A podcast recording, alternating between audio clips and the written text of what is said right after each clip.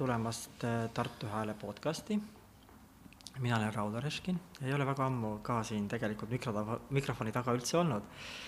et, ähm, et meil on kuidagi see taskuhääling nii käima läinud, et on väga palju saatejuhte juba tekkinud. ja mul on täna siin Tartu poes külas äh, Külli Hansen Tartu Loomemajanduskeskusest ja Anne Rudanovski siis kõrgemast kunstikoolist Pallas. ja meil on tänase saate teemaks skulptuur ja me siis saates ka räägime ka lahti, miks just skulptuuri me selle saate teemaks võtsime ja, ja, ja püüame seda siis kuidagi sinna skulptuuri ette-taha ja, ja, ja läbi sellest nagu kuidagi vaadata. et äh, kuna minu saadetes käib natuke kaasa ka selline väike traditsioon, et me soojenduseks Äh, avame kapi ja vaatame, mis luukered teil seal kapis on, Külli on seda korra läbi teinud, aga sa võid mõelda, Külli, kas sul on mõni skulptuuriga seoses äh, seonduv äh, luukere kapis. aga ma küsin siis Anne sult, et, et kui sa oma kapi uksed lahti teed, kas sul on seal mõni, mõni luukere? no nii väga, väga ootamatu kuidas nüüd kohe sellele vastata, et ma arvan, et igalühel on neid luukeresid rohkem kui üks. ja ilmselt me ei teagi, kui palju meil neid luukeresid seal kapis on. aga ma arvan, et ma olen sinnamaale jõudnud, et ma olen julgemas neid uksi lahti tege-, olen, olen viimasel ajal julgenud neid uksi lahti teha ja ma ei tea, kus suunas sa neid luukeresid ise otsid, aga kui, kui sa noh, et, et selles mõttes ma arvan seda, et, et see küsimus on nii lai küsimus, et ähm, aga, aga minu jaoks luukered pigemini tähendavad seda, et, et kui palju ma olen aru saanud äh, minuga kaasnevast sellest maailmast, mida ma tegelikult ei tunne, aga mida ma tegelikult elan mm. -hmm. Oh, väga mitte filosoofiliselt libisesid välja ei, see ei ole, see ei ole sugu, see, see on tegelikult väga eluline okay.. see, see on rohkem eluline, kui sa nagu arvad. jaa, okei okay., ma kuulan pärast üle ja kuulame pärast, ma räägin lähemalt aga viskame sama küsimuse siis Küllile ka, et. jah, no mina, kui ma mõtlen luukeredele, siis mul ikka tulevad igasugused äh, sellised pildid ka ette, et mis on need, need luukered, mis on nagu tehtud inimeste poolt, mitte nagu päris luukered ega sümboolsed luukered, vaid vaid need, mis on näiteks äh, skulptuuriõppijad õpivad, on ju mm, -hmm. või, või kunstikoolides on, eks ju, mingid nugukesed, mida sa saad liigutada. et see on nagu esimene assotsiatsioon võib-olla, sest ma olen juba siin skulptuuride seema, teemas sees ja siis tuleb selline assotsiatsioon. aga mul tuli ka meelde üks äh, koht Michelangelo raamatust, mida ma lugesin lapsena, kus tema siis käis öösiti salaja lahkamas inimesi, et saada aru, kuidas need inimesed on tehtud, kuidas nende äh, lihased liiguvad ja täp-, kuidas täpselt need luud seal all on, on ju. ja see oli nii emotsionaalne, kogu see raamat ja siis just see üks mingi öine salajane lahkamine äh, tekitas minus nagu nii palju emotsioone, on ju, siis mõtled, et et lapsena, eks ju, et kuidas ta julges on ju, et kuidas ta julges üldse minna nende surnud inimeste juurde ja lõigata äh, ja, ja siis, et mis on see kunstniku, ma ei tea, ma ei, noh, ma ei tea, mingi eesmärk või, või innustus või noh, nagu see püüdlus, eks ju, et ikkagi olla hea kunstnik ja selleks mm -hmm. sa teed mhm. asju, mis on tegelikult keelatud mm. -hmm. Mm -hmm. aga ma küsingi kohe nüüd, Anne, sinu käest selle jutu jätkuks, et kui palju, kuna sa tegeled kunstikoolis õpetamisega mm, -hmm. et kui palju üks kunstnik või skulptor peab sellist asja tegema, nagu Külli praegu kirjeldas, et temast saaks hea skulptor, hea kunstnik? või, või mis on need tänased mm -hmm. alternatiivid, me ju ei lähe ju täna enam ju kuskile kedagi lahkama, et ilmselt on mingid teised meetodid ka juba tekkinud.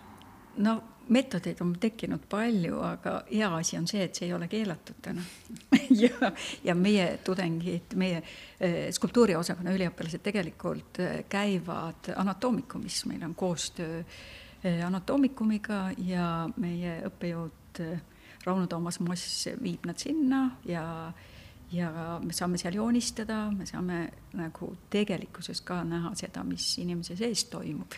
noh, aga teiselt poolt on meil olemas kõik need 3D mudelid ja, ja see, see maailm on tegelikult palju avatum, kui ta oli tollel ajal, et et aga, aga selleks, et inimest tundma õppida, ma arvan, et, et, et selleks, et luua midagi ja, ja rääkides skulptorist, kes tegelikult vaatamata sellele, et meil on täna käes ka nii palju erinevaid materjale, mis võib-olla otseselt inimesega ei suhestu, kui sa tahad tegeleda ikkagi sellise põhiainesega, millega skulptuur tegeleb, siis ma arvan, et inimese tundmine on hea oskus nii distsipliinina modelleerimises kui joonistamises. ja see, see on midagi, mis arendab sinus välja sinu enda esteetika, sinu enda nägemise ja ilumeele maailmale, aga, aga ka kõik sellised eh, ütleme nii, et, et inimese järgi eh, me võime ära õppida kõik selle, mida, mida me pärast tegelikult väljendame kunstis mm. -hmm. ma mõtlen lihtsalt kompositsiooni võtmes praegu seda mm -hmm. kogu lugu kas anatoomikumis tudengid vaatavad või nad ikkagi ka saavad seal tõesti proovida lahkamist lausa? Nad nii kaugele ei ole läinud mm -hmm. kui, kui öine sala, salakäik Michelangelo'l, aga, aga nad joonistavad mm. -hmm. ja, ja, ja see on ka juba üsna, üsna lähedal, ega, ega temalgi, kui need oleks olnud kui, kui ta ei oleks pidanud seal ise neid prepareerimisi mm -hmm. tegema, siis küllap ta oleks äh, oleks lihtsalt võinud ka joonistada, jah mm -hmm. skulptuur on siis tänase saate teema ja püüame siis ähm, natuke mm, seda siis võib-olla lähemalt nagu vaadelda päris mitme kandi pealt. et äkki algatuseks, et äh, kas skulptuuril on olemas ka nagu oma mõiste või me saame kuidagi nagu lahti seletada, mis asi see skulptuur on või, või mis asi on skulptuur näiteks teie jaoks äkki? üks, ükskõik, kes tahab alustada mm. Minu meelest on see mõiste ajas muutunud. et äh, algselt ikkagi me kujutame ette nii nagu vanad meistrid, eks ju, et see on mingist väärikast materjalist ja noh, kolmemõõtmeline, eks ju, kuidagi natuke nagu püha praegu vaatame näitustel või suurtes muuseumides ja, ja ma arvan, Vene ajal oli ka sellel nagu teine tähendus, et siis oli kõik need postide otsa pandavad olulised kujud, on ju, või noh, pead, on ju, olid kõik skulptuurid, nagu kui mina mõtlen mm -hmm. sellele, mis see skulptuur mm -hmm. minu jaoks on tähendanud, siis praegu on nagu kõik läinud palju mängulisemaks, vabamaks, piire ületavaks, et nagu see skulptuur ei olegi enam päris õige sõna noh, nagu, et mi-, mis me, mis meil siis on, kas või sellel samal oma näitusel siin, eks ju. ja objekt ei ole ka nagu päris õige sõna et võiks mm -hmm. olla veel mõni kolmas sõna, aga kuna ja kohati hetkel... öeldakse installatsioon, et äh, kas see on ka kuidagi skulptuuriga suguluses või on see täitsa nagu eraldi kunstivorm, siin ma vaatan praegu Annele otsa mm. -hmm. aga et et jah, et see, et kuidagi see mõistete paljusus või on ka nagu päris nagu no hästi kirjeldab tegelikult mm. seda skulptuurivaldkonda yeah.. kas see, et ta on kolmemõõtmeline, see on nagu, no tegelikult iga asi on kolmemõõtmeline, meie kolmemõõtmelises mm. maailmas tegelikult ka ju paberileht on lõpuks ju kolmemõõtmeline mm. aga me kolmemõõtmelisuse all mõistame tavaliselt natuke nagu, natuke mahulisemad kui lihtsalt üks paber või maal, eks, et tal, tal mm -hmm. noh, minu jaoks on skulptuur tegelikult äh, ikkagi arhetüüpne nähtus. ja, ja ma ütleks, et tema olemus ei ole muutunud aegade algusest et, et, et mis on muutunud, on see, et, et igal ajastul on oma väljendusvahendid ja igal ajastul on oma, oma ülesanded ja oma, oma viisid noh, nagu sa ütlesid, et, et meil võib-olla on valgusskulptuur ja heliskulptuur ja räägid installatsioonist, eks ole, et, et need kõik teatavas mõttes puudutavad ikkagi, eks ole, seda, seda füüsilist maailma ja ta puudutab seda, et, et me oleme selle, selle ka kooskõlas või me puudutame, me saame nagu olla selle nähtusega samas ruumis, aga et, et see, et, et et mida skulptuur tegelikult tähendab, mina arvan, et, et see arhetüüpne mõte, et, et kui inimesed räägivad skulptuurist, siis et noh, et sa võtad nagu kivikamaka ja siis sa võtad selle kivikamaka seest, hakkad siis nagu välja raiuma seda, seda objekti ja, ja võib-olla mõned aastad tagasi ma olin ise ka nagu niisugune tunne, et noh, et mis nad räägivad, et skulptuur on nii muutunud, et näed, et siin me teeme küll käsitsi veel midagi, aga vaadake, millised tööriistad meil siin on, et siin me võtame, et millised pikad näpud meil on, vaata 3D printer, mida ta suudab ära teha või, või kuidas ma suudan modelleerida, kui mul on 3D programm, et, et noh, minu, minu näpud on nagu nii, minu käed on saanud võimendatud ja, ja kogu, aga, aga kui me tegelikkuses mõtleme, et, et mis siis nagu skulptuur on, eks ole, et, et milles see see, see lugu siis, et skulptor on see, kes võtab justkui kivist selle kuju välja, et, mida see tegelikult tähendab, et, et, et noh, ma nagu ise olin ka, et oi, et, et meie skulptuur on palju rohkem, aga tegelikult selles samas näites on nii palju sügavust, et et ma tulin selle juurde tagasi.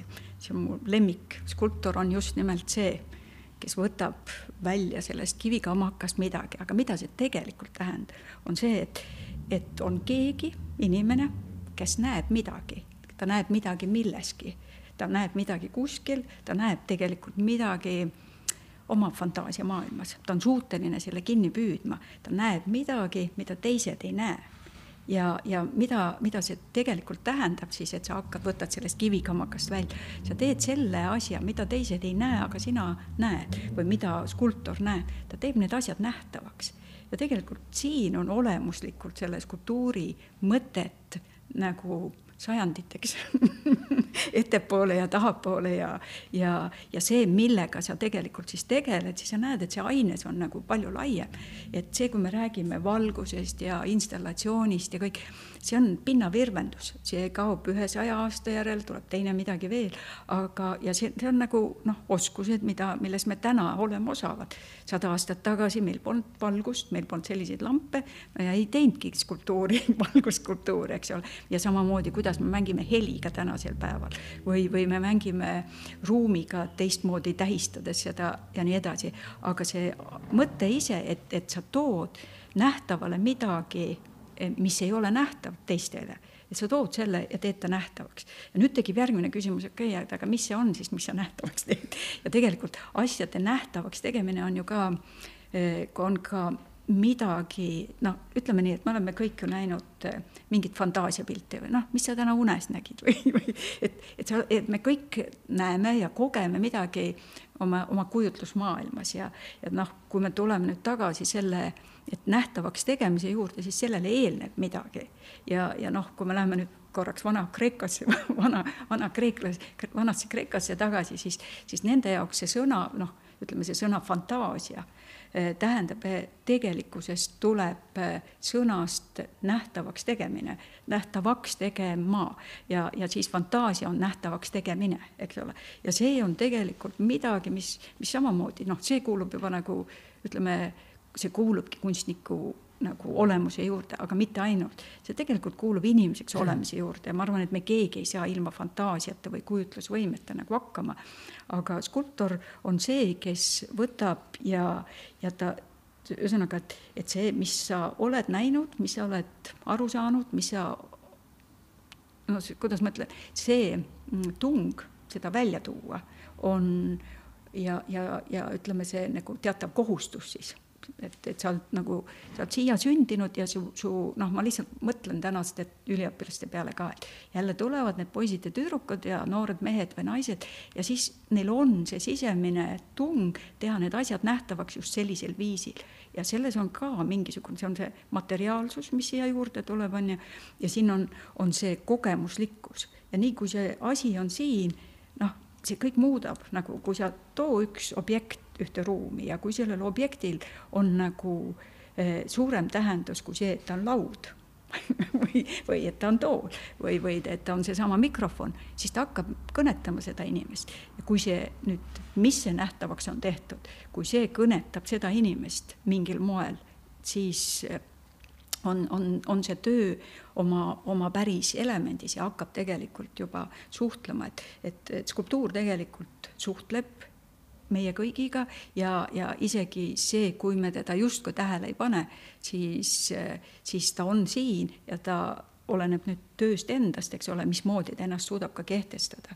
et noh, siit võiks minna edasi mis see on, mis me loome ja kuidas see mõjub, aga ma katsun siin praegu lõpetada, Rauli.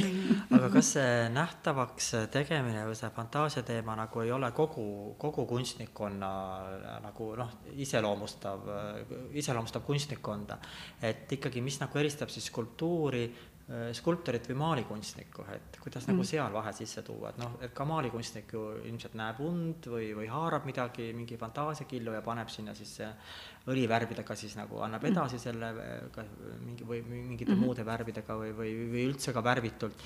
aga et mis nagu eristab siis nagu ühtesid kunstnikke teistest, miks ühed on skulptorid, teised on maalikunstnikud, kolmandad on graafikud või kas üldse nii tänapäeval saabki niimoodi üldse inimesi veel liigitada ka kunstimaailmas? ma arvan, et see liigitus võib-olla ei ole kohane, aga, aga õpetamiste seisu, õpetamise seisukoha pealt või õppimise seisukoha pealt on, on see nagu oluline, sest meie väljendusviisid on maali puhul ja skulptuuri puhul ju täiesti, täiesti erinevad. et noh, tulles tagasi selle sama näite juurde, et, et, et maalija, tema, tema fantaasia noh, nagu me tegelikult, eks ole, et, et me suhestume tege-, kui me nüüd läheme päris tagasi, et, et sa ütled, et, et miks, et see võiks olla, maalijal on täpselt samamoodi, et ta näeb seda fantaasiapilti ja ta teeb selle, selle pildi ära. ja tegelikult on ikkagi veel lihtsam isegi paned asja seina peale, et ta nagu ei sega ka sind. aga aga kui, kui sa mõtled seda, et, et mida skulptuur teeb ühes ruumis, et, et ta, kui ta on siin, see objekt on siin, kui see objekt on seina peal või kui see objekt on siin, eks ole, et, et siin on äh, tegemist äh, materjaliga ja materjalide maailmaga, noh, see on nagu üks asi, mis, äh, mis eristab skulptuure teistest nagu kunsti, kunstiliikidest nagu sellises laiemas, laiemas võtmes. et skulptor kasutab tegelikult ära kõiki neid materjale praktiliselt, mille keskel me elame mis, mis meil siin olemas on. ja, ja kui ma hakkan tegelema materjaliga, siis, siis selle kuidas ma ütlen, selle materjali enda sõnum saab ka sellesse töösse sisse pandud. ja maalijal seda, maalijal on värvid, aga, aga, aga skulptoril on materjal.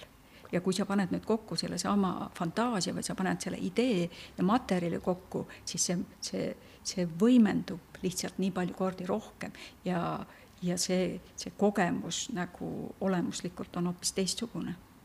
et, et ma, ma arvan, et üks, üks koht, kus, kus see kus see nagu erisus sisse tuleb. peale selle on, on meil siin tekivad nii kui me läheme ruumi ja hakkame, hakkame rääkima, kas me räägime objektist või ruumi loomisest, siis hakkavad tekkima siin hoopis uued mõisted, mille, mida me maali puhul kunagi, millega, millest me rääkida ei saa. ja see on nagu midagi noh, võib-olla mis meie kultuuris ei ole nii tuttav, me ei ole sellega nii harjunud igapäevaselt, et eh, mõnes, kui, kui, kui minna Itaaliasse või, või, või ka Kreekasse või siis seal on noh, me ei ole kasvanud sellise ruumilise kunsti keskel, aga kujutad ette, et kuskil seal Karjamaal väike lambakarjus jookseb ringi ja ta komistab mingisuguse marmortüki peale ja ta võtab selle kätte ja vaatab, ohoo, et kellegi käsi jah, et mis, mis, mis see nüüd siin on, et, et ja, ja, ja sellepärast need noh, see kultuuriline vastuvõtlikkus meil on skulptuuris, skulptuuri koha pealt hoopis teistsugune. noh, see ehm, jah, ja, ja see ka, et, et eh, näiteks kui, kui ma mõtlen seda, et, et eh, võtame ajaloost tagasi, eks ole, et, et kuidas kultuur on saatnud inimkonda kogu, kogu ajaloo vältel, et näiteks ma käisin siin eelmisel sügisel, käisin purjetamas ja küklaadidel. Ja võib-olla kui, kui, kui tuleb ette küklaadide skulptuurid, et need on väga huvitavad, nad tunduvad nagu oleks tänasest päevast, sest nende niisugune inimese kujutamine on, on justkui nii kaasaegne see, see selline üldistus seal. Ja nüüd kujutad ette, et, et, et neid kujusid tehti võib-olla nad olid peopesa suurused, kahekümne sentimeetri pikkused. Ja, ja see, see, see kujukene ta valmis võib-olla ühe teise, teise kivi abil, noh, selle, võib-olla nad on sellepärast nii lihtsad, neil ei olnud väga neid tööriistu, millega me, me mõned aastatuhanded hiljem alustasime tööd, aga kaks kivi, üks oli tugevam kui teine ja nad suutsid selle väl läbi mingisuguse objekti luua. nüüd, nüüd see objekt ise, kui nad olid selle loonud, omas sellise tähenduse, mida maal kunagi ei saa omada. ta võis selle objekti panna, panna taskusse, sellest objektist võis saada tema saatja meresõitudel kui viiemeetrised lained sinu purjekad tahtsid kuskil, oli, oli see objekt järsku võib-olla side selle maailmaga, kuhu poole sa tüü-, tüü-, tüürisid ja, ja nii edasi, et see jah, materjal mm. oli see märksõna. materjal, jah, ma arvan, et see on päris, päris hea põhjendus tegelikult või siit nagu tekib selline arusaam, et värvid ja materjal ja võib-olla materjalid on, materjal on see, mida nagu, mis kõige rohkem iseloomustab skulptuuri. Kuigi noh, materjali peaks saama nagu käega katsuda, aga ma saan aru, et valgusskulptuure, heliskulptuure me ju katsuda ei saa. aga sa lood ruumi ja, ja noh, selle, selles mõttes see, see, see ühesõnaga see tervikkogemus ja, ja taktiilsus on, on need võib-olla järgmised märksõnad mm -hmm. siin veel, et -hmm. et sa, sa oled selle objektiga ühes ruumis.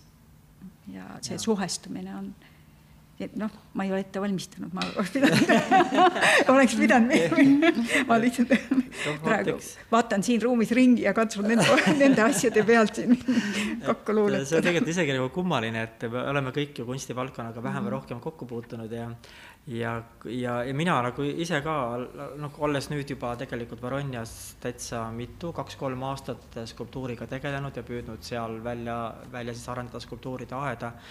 Ja, ja Külli on olnud galerist ja samuti väga pikalt kunstivaldkonnaga kokku puutunud, et kuidagi nagu see skulptuuri avastamine toimub alles nüüd. Ja sa nagu korraks mainisid ka, et see noh, teatud ajaloolistel põhjustel võib-olla on siin ka mingi konks nagu olemas, et ma haaraski nagu siit järgmise küsimuse äkki õhku, et et mis seisus üldse praegu Eesti skulptuur on, et noh, tõesti ajalooliseid, ajalooliseid pidepunkte meil võib-olla on nagu vähe. Äh, täna, kui vaatame nagu meediapilti, võib-olla kaks-kolm skulptorit figureerib meediapildis, no üldse kunstnikke figureerib vähe, me, me nimepidi teame tegelikult vähe kunstnikke. Äh, skulptorid nende hulk, noh, veel vähem, eks ju. siis ähm, meedias tihtipeale äh, ka skulptuur ei ole võib-olla ka veel kõige nagu noh, positiivses võtmes alati kajastatud, et meenuvad need sellised suured skandaalid Vabaduse samba ümber ja viimane see Joala skulptuuri saaga et kuidagi nagu ka skulptuuris nagu hästi palju ka niimoodi noh, räägitakse, aga samas see ei, see ei pruugi nagu olla alati selline positiivne. ja, ja võib-olla märgilisi skulpt-, skulptuure me isegi nagu teame, aga noh, võib-olla ei oska sinna nimesid nagu tihtipeale nagu taha panna, et et noh, püüaks kuidagi nüüd koos mõista, et mis seisus praegu üldse nagu Eesti skulptuur on või Eestis skulptuur on, mõlemat pidi äkki Külli, sa pole ammu rääkinud midagi, mis, kuidas, mis sulle tundub? no mina, ma arvan, et ma ei ole üldse spetsialist selle, selles ma arvan, me ei peagi aga... nagu täitsa üldse spetsialistide tasandil rääkima, täitsa mm -hmm. nagu oma kogemuse põhjal. kui ma lihtsalt vaatan kõrvalt, on ju, ja mingit tunnetuslikul või muljetasandil, eks ju, siis äh, noh, ma arvan, et me, see Joala lugu oli, oli tõesti väga märgiline ja ja ma ei, nüüd üldse ei kommenteeriks, et kas see skulptuurina oli hea või halb, eks. aga just see, milliseid kirgi see tekitas, et ühelt poolt on see kindlasti noh, ütleme siis kunstniku vastutus, eks, et kui sul on mingi väga oluline inimene või sümbol, väärtused, siis kuidas sa seda sümbolit kujutad. ja eks see sümbol juba nagu oma eluajal tekitas kirgi nüüd, nüüd veel ka, on ju ja et noh, jah, see kunstniku vastutus avaliku ruumi suhtes, et, ähm, et ma arvan, see on küll väga oluline. ja teiselt poolt on siis see ka, et nende tellijate mingi tarkus või, et, ähm, et tegelikult me ju kogu aeg räägime sellest, et avalik ruum peaks olema inimsõbralikum ja toredam, aga ikkagi väga pa-, sageli on selliseid hetki, kus me tunneme, et et noh, see lõpeb ikka selle skulp-, noh, selle pea tellimisega või, või mingi bareljeefi tellimisega kuskile maja seina peale. et, et vist nagu kardetakse nagu teistsugust kultuuri. et äkki see on see koht, kus me peame rohkem just teavitustööd tegema või on vajagi natuke rohkem tähelepanu, tuua esile neid teistmoodi skulptuure, selgitada. ma ei tea, need on need minu praegused mm -hmm. mõtted, et samas ka nagu noh, et on ju selliseid eriilmelisi skulptuure ka, et, et äh, Vanemuise ees on see Tubini monument, mis ju noh, on interaktiivne ja justkui peaks nagu ka helisid tekitama. ma mäletan küll, et, et algusaastatel ma sinna viisin ikka oma väljamaiseid sõpru, et uhkustades, kui tore skulptuur meil on ja mitte kunagi see teos ei töötanud et ma ei tea, mis seisus ta praegu ma ühel hetkel lõpetasin seal, seal, seal käimise ja kolkimise mm, -hmm. nende pannide kolkimise. Ja siis Lotmani äh, purskkaev, mis ka nagu kord töötab, kord ei tööta, et et ega mis, kas need, kas me kuidagi, mis selle põhjus on, ma tõesti praegu nagu pigem ka näen ise nagu hästi palju negatiivset, võib-olla ongi korraks vaja see üles kaevata, et jõuda nagu positiivsete näidete juurde.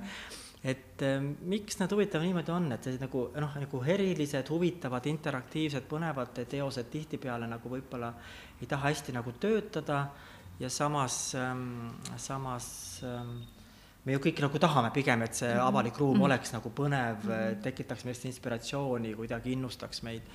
et kus see konks siin on huvitav? no üks konks on ikka meie kliima, et kui ma panen ütleme Itaalias või, või Prantsusmaal või, või läheme lihtsalt lõuna poole ja meie tingimused on hoopis teised, et, et tegelikult on ju väga raske meie kliimas, kus temperatuuride kõikumine võib olla ju kolmekümnest kolmekümneni, noh, kahekümne viieni, eks, miinustes, et, et see tegelikult noh, paneb oma, oma piirangud ja see tegelikult nõuab hästi suuri selliseid insener-tehnilisi lahendusi ja ma ütlen selle, selle tubina kohta, et nii palju, kui mina olen seal käinud, on see alati töötanud mm -hmm. Raul, nii et ma mõtlen seda, see on, see on nagu huvitav, et, et mis selle tööle paneb, et mis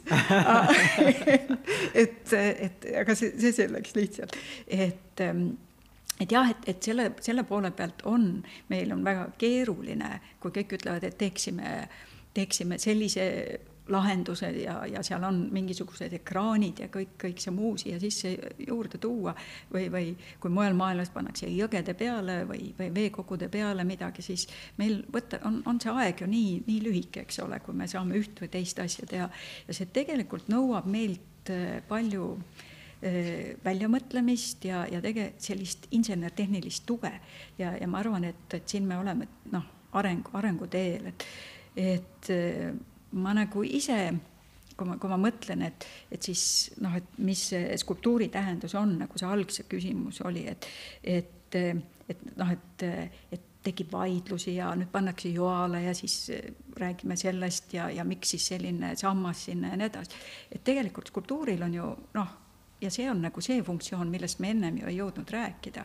et kui me rääkisime ennem justkui niisugusest tubase skulptuuri kontekstis, et et, et, et skulptuuril on ju ülesanne, noh, meie, meie avaliku ruumi osas ka ja, ja see on see funktsioon, mida maal kunagi täitma ei, ei küüni, sest et mm., et ja, ja, ja nii kui me, kui me astumegi toast välja, siis, siis on skulptuur tegelikult on siis kuningas et, et ja, ja nüüd see küsimus, et kus me oleme oma, oma arengus nagu ütleme lihtsalt rahvusena, et kui, kui meie skulptuurikiht tegelikult ongi, ongi õhuke ja meil on sellised, need sellised kangelased seal alguses, kes, kes läksid ära Peterburi seal õppima ja Amandus Adamsoni või, ja kes, kes omal ajal olid nagu, suutsid tulla Paldiskist kuskilt äh, rehetarest ja, ja jõuda niisugusesse tippu, et, et noh, ühelt poolt meil lihtsalt puudub see selline teadvustatus võib-olla selle, selle koha pealt, aga kui tulla selle juurde, mida skulptuur tegelikult peab siis avalikus ruumis tegema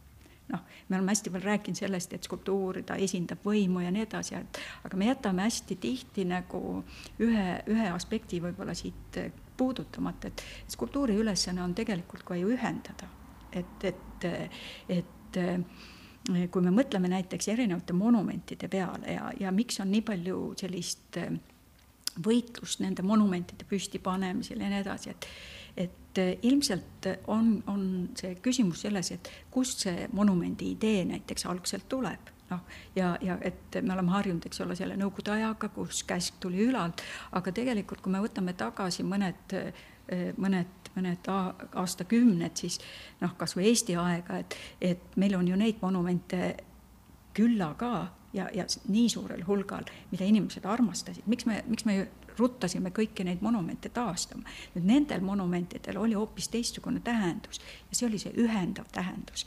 ja, ja tegelikult eh, me, me vajame selliseid, selliseid objekte, mis, mis hoiavad meie lugusid meie, meie linnades, mida skulptuurid teevad, ma ei, ma, saan aru küll, et me oleme nõukaajast lihtsalt tüdinenud nendest peadest postide otsas ja nii edasi ja, ja me peaksime leidma uued lahendused, aga need lahendused peavad ka leidma sellise kuidas ma ütlen, peavad tekitama selle osadustunde ka nendelt, kes meie linnas elavad. ja kui me inimesed ei suuda seda praegu vastu võtta, siis eh, proovime uuesti. Ja, ja siis me proovime uuesti. Ja kunstnike ülesanne on mitte nagu järgi jätta ja tullagi uute lahendustega välja, aga me peame üles leidma selle, selle koha, kus see inimestega assotsieerub, kus, kus tekib see side, sest skulptuur, noh, ütleme eh, kui ma mõtlen mõne näite peale, kus no Võrus näiteks on see Kreutzwaldi monument. Ja, ja, ja selle selle tegemiseks koguti raha, koguti raha ja rahvas kogus. Ma ei mäleta täpselt, kes see selts, mis selts seal see eestvedaja oli, aga, aga nad kogusid raha, siis, siis nad tellisid kunstnikelt kavandeid, ei sobinud, tellisid uuesti, lõpuks oli Amandas Adamson, kes selle ära tegi, aga huvitav oli see, et, et see monument on inimestega siiamaani koos. ma saan aru küll, et, et neil oli see kool oli selle nimega ja, ja siis nad seostasid jälle äh, selle, selle kooli sündmused, pandi nagu ütleme, et, et see oli koht, kus inimesed said kokku, äh, noh, mida ma sel, mõne monumendi juures väiksemates kohtades olen näinud, et, et see toob inimesed kokku, ta annab neile võimaluse rääkida seda lugu, mis kuulub selle koha juurde.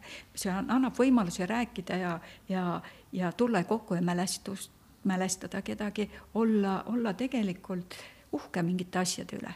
ja, ja need monumendid selles osas saaksidki olla ju noh, ka teistmoodi nagu lähenemisega üldse, et me oleme nagu justkui selle ära unustanud, et, et see funktsioon on ka. Ja, ja need kohad, kus ta inimesi kokku toob, on nagu noh, siis tekib mingi ilus tunne või, siis, siis tekib see tunne, et vau, et, et noh, see, see on nüüd midagi. Ja see, see on nagu see kokkutoomise ja osadustunde tekitamine. Ja see tegelikult aitab ühte rahvust koos hoida ja, ja aitab meie, meie selliseid olulisi tähiseid ju ka hoida järgnevatele põlvkondadele ka, et kuidas me räägime mingit lugu, kui meil midagi ei ole, me läheme tühja, tühja koha peale, ütleme, et jaa, et teate, et siin kunagi oli see Koidula kuskil, eks ole, ja kuskil ta siin jooksis ja kuidas sa räägid seda lugu oma lapselapsele või, või kuidas saja aasta pärast noh, inimesed teada saavadki, et siin midagi oli. sellest sildist on vähe ja kui kunstnik suudab luua noh, sellise sellise sümboli skulptuuri näol, mis, mis tegelikult võiks sisaldada veel rohkem. et noh, minu jaoks skulptuur tänases ruumis ja, ja avalikus ruumis, meil puudub sellised selline skulptuur, mis tegelikult äh, sisaldab äh, sellist sünd-, ütleme, sa rääkisid, eks ole, et Joal on meil nagu sümboolne, et, et noh, kui sa mõtled seda, et mida, mida nagu tema isiksus kannab, kandis, eks ole, et aga kui me mõtleme veel, et, et tuleme tagasi selle fantaasia juurde ja et, et, et kui sa, kui sa tood ja teed midagi skulptorina midagi nähtavaks, isegi kui see on monument kellestki, siis on võimalik selle sisse panna veel midagi.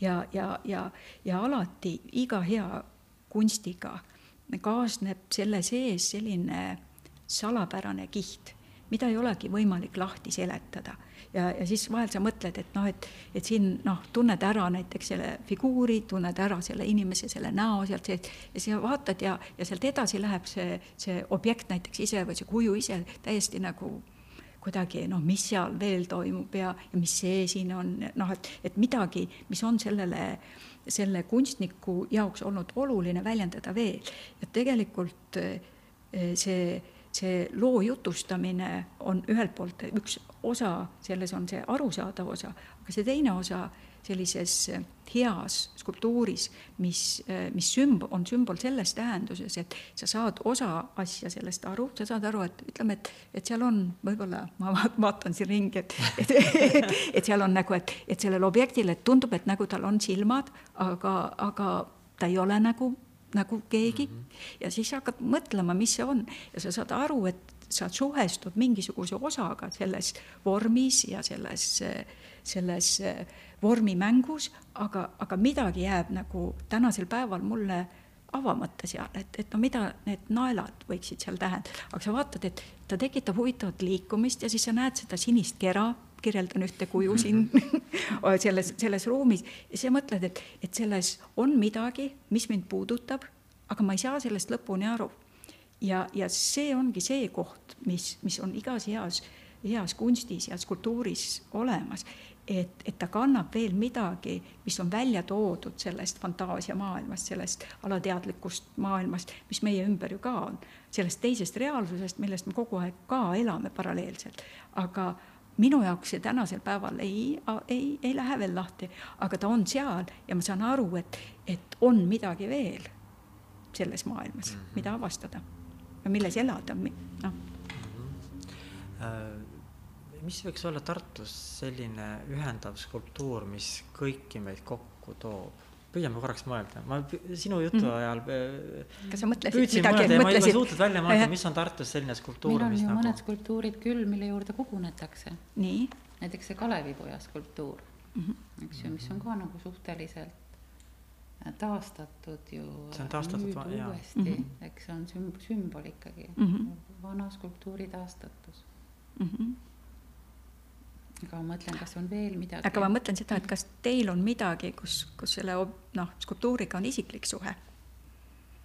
ma, ma ütlen, mul üks, üks on minuga üks on aga ma ei tea, kas isiklik no, suhe, aga mul on, õieti mitu. õnneks on nagu just nagu Tartus äh, üks skulptuur, mis mind nagu lapsepõlves on kõige enim mõjutanud mm -hmm. ja see on üle õuna äh, isa ja poeg mm. -hmm. ja selle kipp selle skulptuuri kipsjäljend oli Tallinnas Rahvaraamatus hästi mm, -hmm. no nõukogude ajal oli ta seal mm -hmm. üleval ja mäletan, et alati, kui ma sinna sattusin, see oli nii kummastav, ma ei saanud aru, miks väike beebi on sama suur kui isa ja see oli noh, see tõesti nii, et ma läksin sealt mhm. ära, see jäi mul pähe, kuidagi ei lastud mind lahti ja mm -hmm. ma aina nagu mõtlesin selle peale ja kuidagi nagu noh, see võib-olla kõige suurema mõjuga teos üldse nagu minu, minu mm -hmm. selles varajases nooruses või lapsepõlves lausa ja, ja kui see teos äh, siia linnaruumi paigaldati mm -hmm. siis pronksina, ma alles siis nagu hakkasin uurima, et mida siis skulptor ise nagu mõtles sellega ja kuidagi mm -hmm. sain teada, et tal, tema mõtetes oli see võrdsuse nagu näitamine, et, et et kõik inimesed on võrdsed ja isa ja beebi, noh, et nad on mm -hmm. ka mhm. võrdsed tema sümboliks või kujundiks, ta siis valis selle, et ta pani need ühe suurusena teosesse, aga see oli nii mõjus ja mm, -hmm.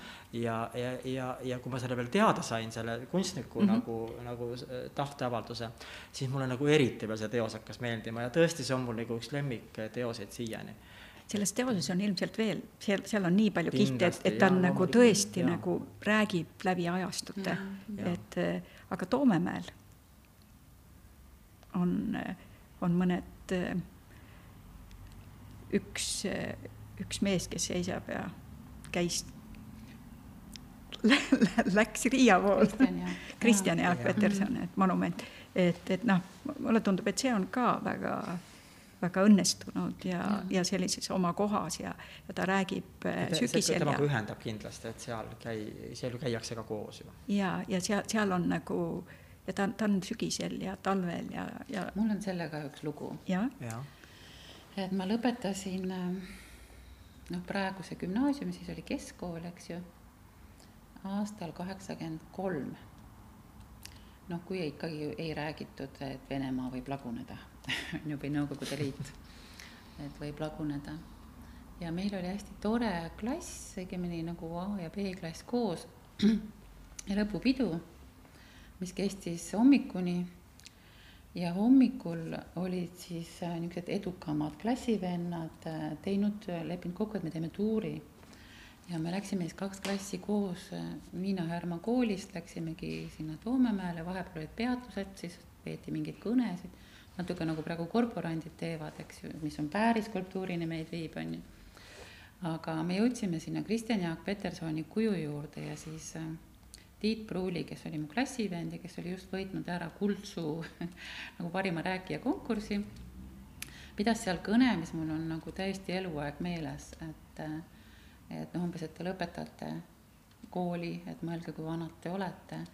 Ja nüüd vaadake seda Kristjan Jaak Petersoni, kes, kes oli kakskümmend üks, kui ta suri ja kuidas ta kestab üle ajastute, eks ju.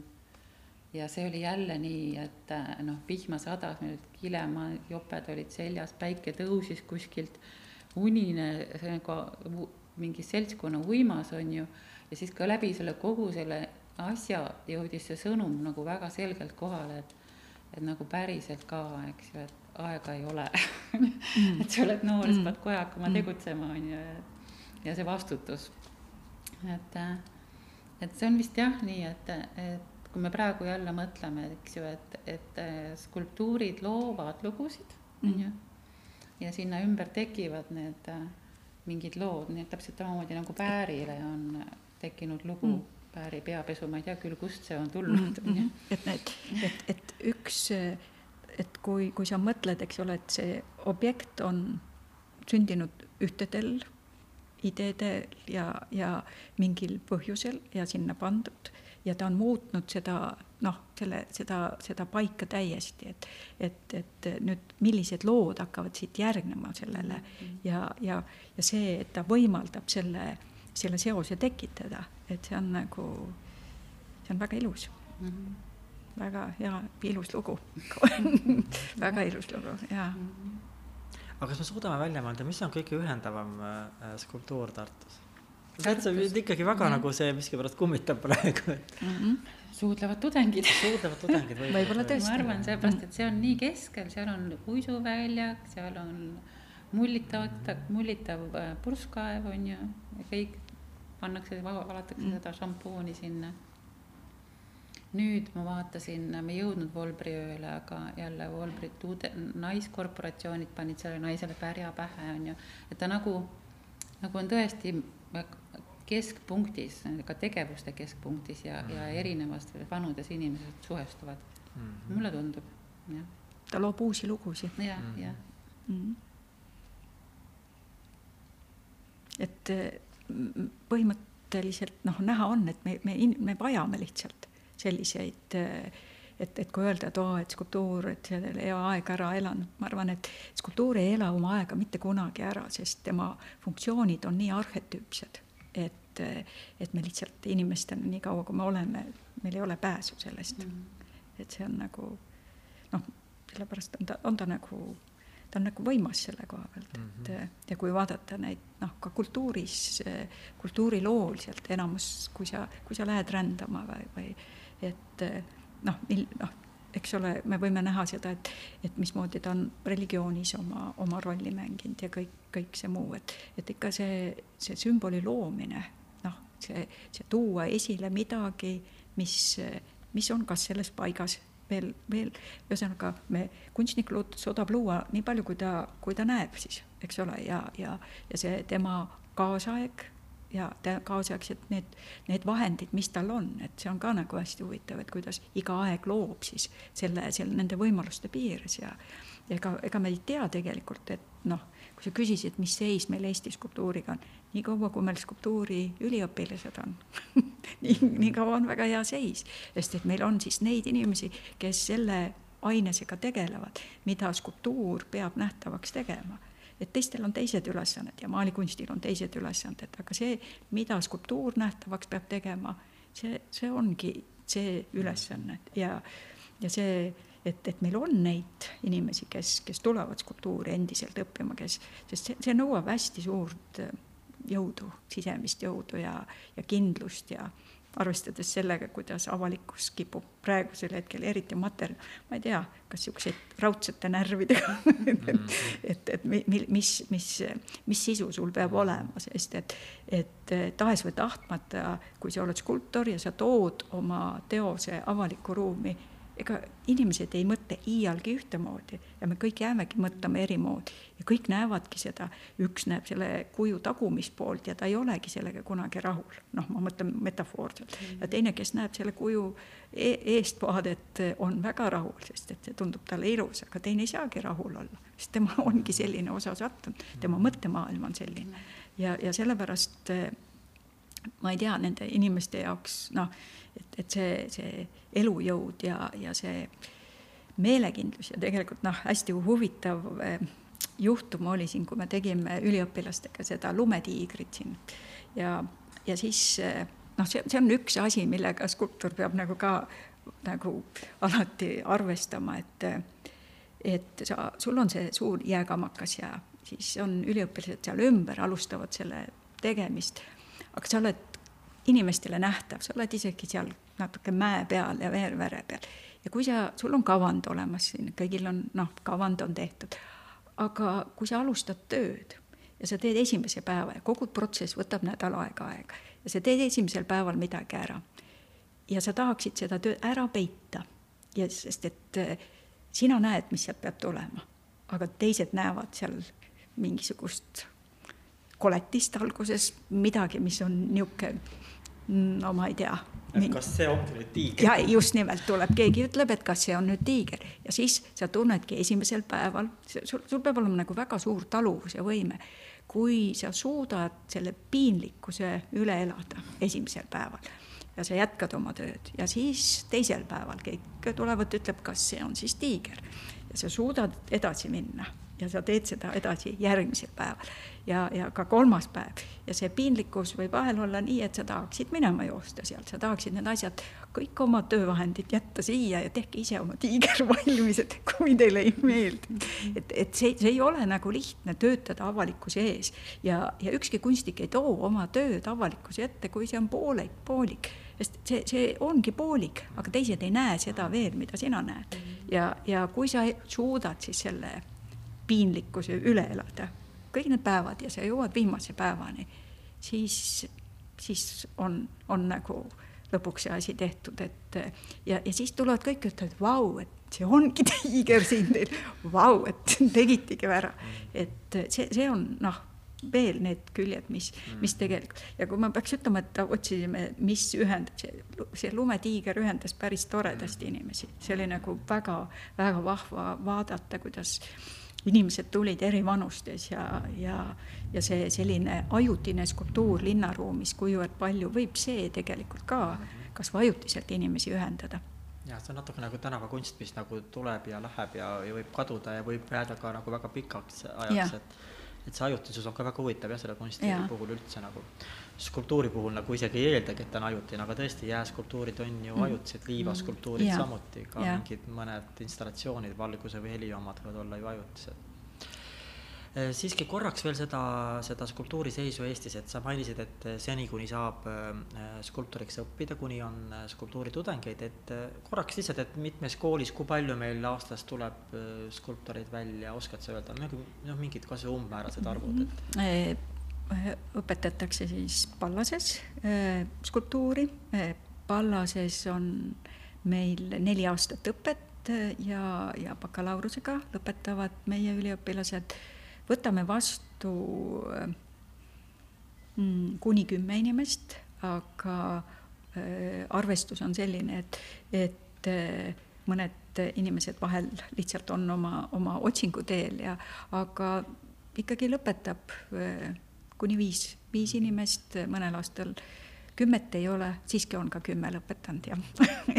Et, et, et aga, ja siis õpetatakse EKA-s, on äh, kaunid kunstid, et eh, sealne õpe on kolm aastat ja, ja, ja tegelikkuses siis esimene aasta, nagu ma olen aru saanud, on, kus õpetatakse kõik, kõik skulptuur ja maal ja, ja graafika siis on koos ja siis järgnevad aastad on siis skulptuurile.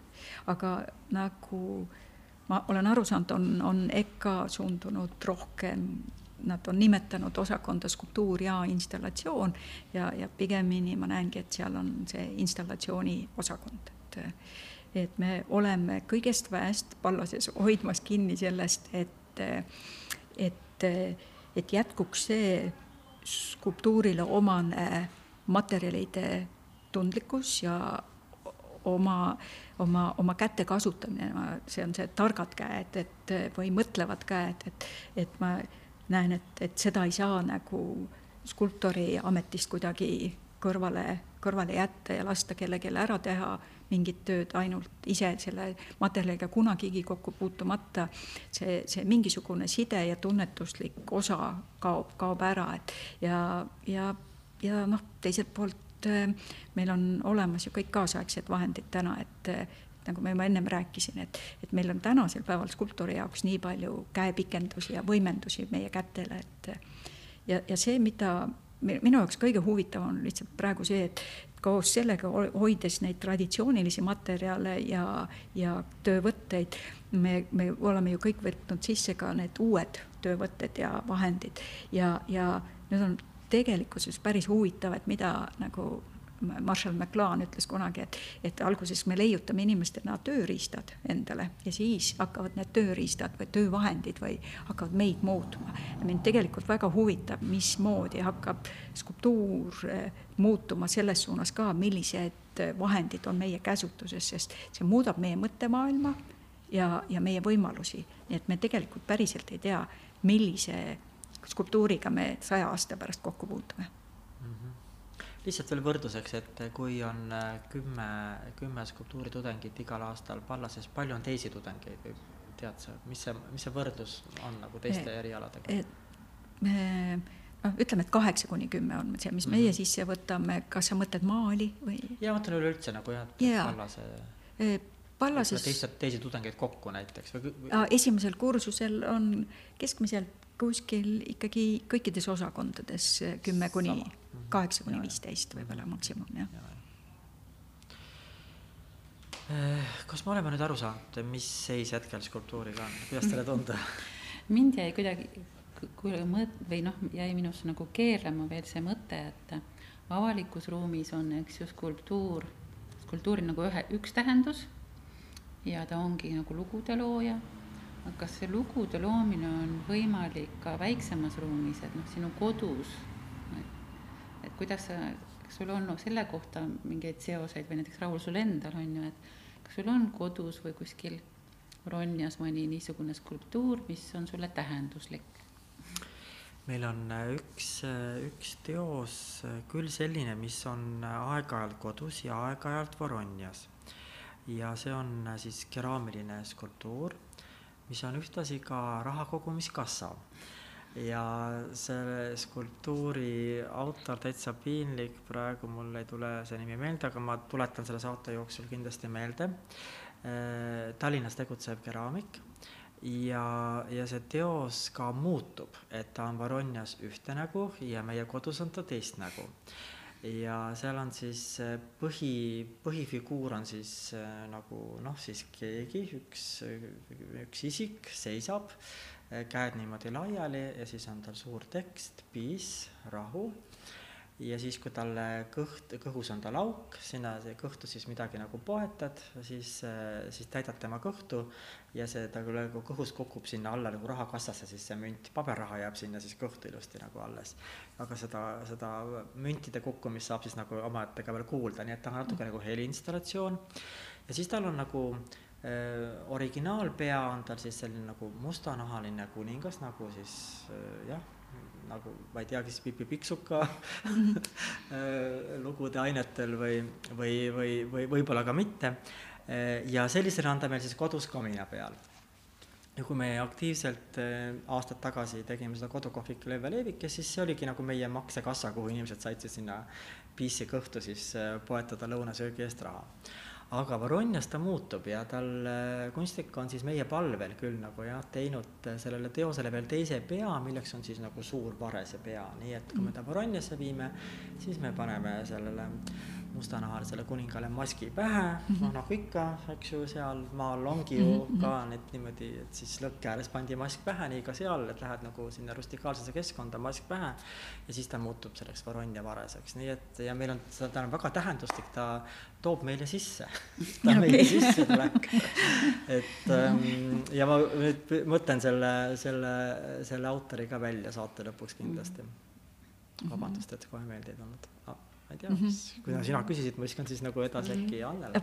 ma lihtsalt mõtlen, et, et koduses keskkonnas on, on see skulptuur kindlasti samamoodi nagu kõnetav ja, ja tähenduslik ja lugusid loov, aga, aga see, see aste on nagu intiimsem, eks ole, et, et ja ja, ja väga-väga noh, tähtis on see, et, et, et see skulptuur, kui ta üldse sinuni jõuab, et, et ta tegelikult tuleb ju läbi kõnetuse ja, ja, ja mingisuguse dialoogi, et, et tahes või tahtmata noh, need, need objektid asuva, astu-, astuvad, kuna see objektilisus on, on nii tugev, et ta noh, nagu, nagu sa ütled, et, et ta, ta toob sisse ja ta on juba peaaegu et isiksustatud seal, et ta vahetab maske, et, et et, et aga siin, siin võivad need objektid hoopis teisi, teisi tähendusi omada ja ma arvan, et see sümboli tähendus ka, et, et, et kui, kui mul, mul on midagi kodus, siis, siis need objektid enamasti on midagi sellist, et seal on alati midagi, millest ma saan aru, aga see üks osa, see salapärane osa on, on nagu, nagu nendes alles ja, ja mõnikord on, on need objektid sellised, mis, milles on midagi, mida, mida ma tahan, et ma meeles peaksin, mida ma hoiaksin oma meeles, mida ma nagu väärtusena kuskil hoian või et, et siin, siin on nagu nii palju tasandeid, mida üks, üks skulptuur kodus võib teha, et, et see, see selline äh, kõnetamine, kuna ta skulptuur, noh, kui me räägime nüüd jälle, et, et mis, mis ta siis on, et, et maal ei muuda väga, väga nagu ta on see, mis ta on, aga skulptuur muutub ka erinevates valgustes ja, ja see, mis ta on varahommikul, mis ta sulle võib rääkida või mis ta on hilisõhtul hämaruses ja et, et see, see kõik on tegelikult nagu muutumises nagu, nagu elu ise, et, et selles plaanis. Ma, ma arvan, et, et ta kannab, kannab kodus sedasama sümboli tähendust jah, mul on ka kodus äh, päris mitu skulptuuri. Ja kuidagi, kui ma sind kuulasin, siis mul tekkis selline küsimus, et äh, noh, öeldakse, et kui sa lähed üksikule saarele, on ju, et sa pead kolm asja kaasa võtma. Mm.. et äh, kui teie peaksite minema üksikule saarele ja valima oma kodust kolm kunstiteost kaasa, siis äh, siis mis sa valid no ma arvan, Raul, sina oma selle vahetuva peaga kunstiteos no,. ma pean selle võtma, sest kuna see on minu sissetulek, siis ma pean ilmselt nagu selle ümber oma ettevõtmise üksikule saarele ehitama, ma ei tea, mida ta mulle sealt sisse tooma hakkab, aga eh, no see sõltub ja millega, millega ma saan sinna üksikule saarele minna, et ega selline skulptuur ka ju kaalub, et mm, -hmm. et no ütleme kui see ei ole praegu probleem. kui see ei ole kriteerium, jah mm. -hmm no ma, ma vist tõesti võtaksin ikkagi selle, selle, selle Varese, Varese teose mm. kindlasti. Äh, aga ma ei tea, mul on nii palju kunstikodus, ma ei, ma ei suuda küll praegu välja valida järgmisi kahte. kui sul, Anne, on mõni, Anne, kohe vastus on olemas, sa võid vastata, ma seni mõtlen natuke minu küsimus oli nagu see ka, et, et nende hulgas on skulptuur, sest kui ma nagu enda, enda peas mm -hmm. mõtlesin, mul on ka ju maalja ja ja on mingeid äh, graafikat ja erinevat äh, ja mõned on päris tuntud nimed ja mul on tunne, et ma vot seda Ahti Sepeti skulptuuri jätaks maha mm. -hmm. eks ju, et ta on kindlasti selle, selle kolla kolme hulgas, eks ju. ma ei ole ka ise niimoodi mõelnud mm, -hmm. aga, aga mingis mõttes see skulptuur kuidagi hierarhias kerkib ülespoole küll kodus ka eks ju, isegi kui tundub, et ainult seisab seal mm -hmm. mingi oma koha peal ja, ja just nagu sa ei märkagi teda, on ju mingitel kriitilistel hetkedel saad aru, et on oluline. aga kui sa mõtled, et mis see võiks olla, mis, mis seda tekitab, sedasama mm., sama tunnet, et, et sa pead ta kaasa võtma, et mis, mis see sisuliselt või? mingi teistmoodi side mm -hmm., noh, võib-olla ka see, et ma tunnen seda kunstnikku, eks, isiklikult, et see isiklik suhe läbi selle skulptuuri aga isegi vaatamata sellele, seal on jah, mingi ruumimaagia, ma arvan mm, -hmm. mida maalides ei ole, et mis skulptuurides äh, on, et see, et ta ei ole lihtsalt, vot ta ei lõppe seal, kus skulptuur lõpeb, eks ju mm. -hmm. et ta on suurem, ta on nagu vaimses mõttes suurem, et ta ikkagi võib täita kas sul olenevalt selle ruumi suurusest, kas siis selle osa ruumist või terve toa või võib-olla terve korteri kuidagi mõtteliselt. et äh, jah, et see mõjub küll, mõjub mm, -hmm. mul on väga suur Elkeni maal kodus mm, -hmm. mis jääb igalt poolt silma, eks.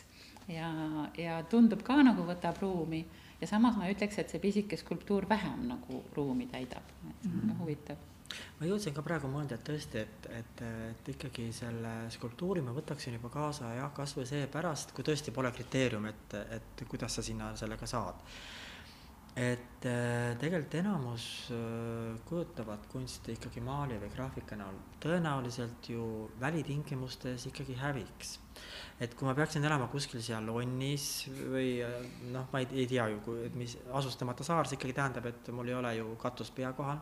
et seni, kui ma selle katuse sinna pea kohale ehitan, no siis võib-olla sellest maalist polegi enam midagi järgi jäänud või saad selle lõuend üldse nagu siis katuseks kasutada, ma ei tea, kui muid materjale pole, aga see skulptuur püsiks ilmastikul, ta mhm. peaks vastu. ja, ta tõesti, et konkreetselt see Varese kuju on ka meil olnud ka väljas ja, ja saanud nagu kõike, et noh, ta pole küll olnud aastaringselt õues, et mm -hmm. me ei tea, mida teeks talle see külmumine ja sulamine, ega see ei tee ühelegi asjale head.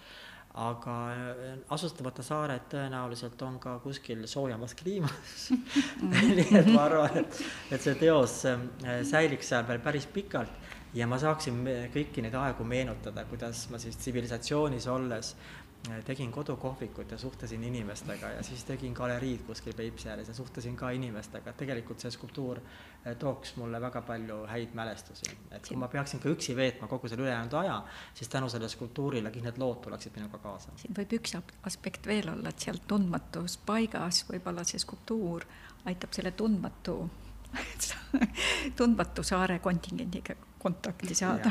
ja, just. ja, ja, ja et kindlasti skulptuur jah, et kui pole kriteerium, kuidas sinna saab. aga äh, ma mõtlesin veel, et, äh, et äh, prooviks äkki mõned skulptuuriga seonduvad müüdid kas siis ära kinnitada või siis ka ümber lükata. et need, mis mulle meenusid ja te võite ise neid müüte juurde pakkuda et kuna Tartu poegalerist Silja ise on skulptor, siis meil näiteks üks väga kindel müüt on, et skulpt-, ta on ise, ta, ta on imenääpsuke, kleenuke, noh, tütarlaps.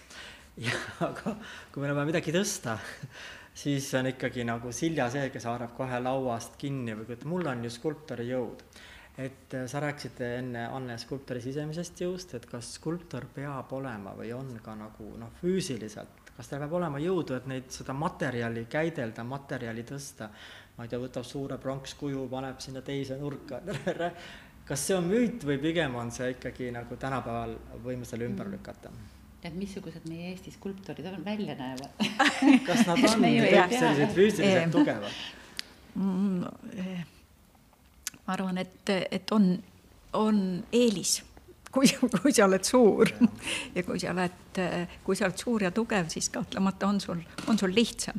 aga, aga tegelikult ei ole vahet, et, et tegelikult kõige tähtsam on see, milline see, see sise, sisemine jõud on, et jah, et energia peab voolama nagu sulametall ja siis kõik teed saavad lahti minna, jah et tõstmiseks ja on ka teised abivahendid. nii palju kõik, ja oi, milliseid tööriistu täna on lihtsalt inspireerivad kohe et, et tõsta, tõsta, tõsta pool tonni siin, mitte midagi.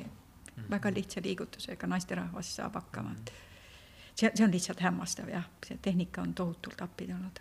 -hmm. üks müüt veel, mis, mida, mida tänu Siljale võib-olla tean, et et kui mul on kuskil mingi näpuots katki või plaaster, siis Silja alati ütleb, oh, sul on nagu skulptori sõrmed, et kas skulptoritel on sõrmed kogu aeg plaastritud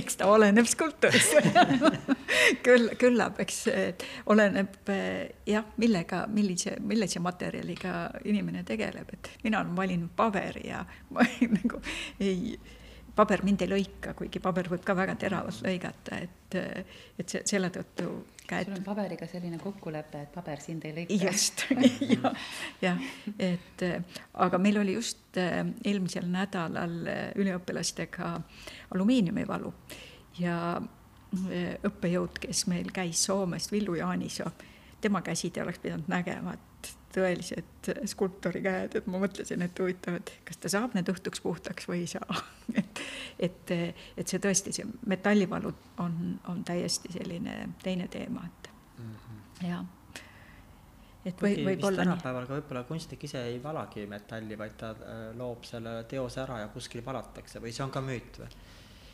Et see töö nagu pigem tehakse kuskil meistri juures, mitte kunstnik ise seda ei, ei teosta. oleneb jälle tegijast, et see mm -hmm. protsess ise ju ei ole nii keeruline, et seda ei võiks ise teha.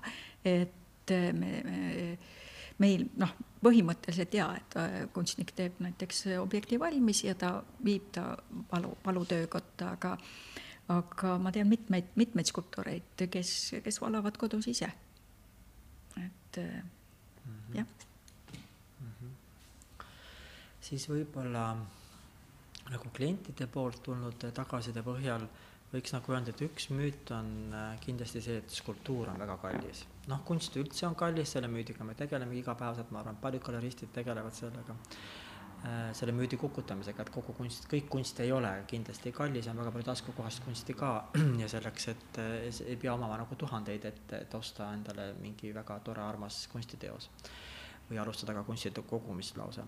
et kuidas see skulptuuriga nagu suhestub, et noh, kuidas see materjal, võib-olla see no, keerulisus või? võib-olla siin natuke tuleb tõesti see hind sisse just selle koha pealt, et, et kui, kui me räägime näiteks sellest samast metallivalust, eks, et see protsess on ju ise väga pikk kõigepealt on, on see idee, see idee teostub mingisugusel kujul, siis kui me räägime lihtsalt näiteks mingist objektist, mis tuleks metalli valada, siis sellel on kõigepealt on modelleerimise etapp, siis võib sellele järgneda eh, vormi võtmise etapp siis järgneb sellele töökojas veel vahet, noh, oleneb meetodist, kuidas seda valatakse, kas ta on vahakaotusmeetod või, või midagi, midagi muud, et, et see, miks, mis ma tahan öelda, et, et see hinna loob tegelikult selle protsessi pikkus ühelt poolt ja teiselt poolt ka materjal ise, et aga see on ka materjal, mis kestab näiteks.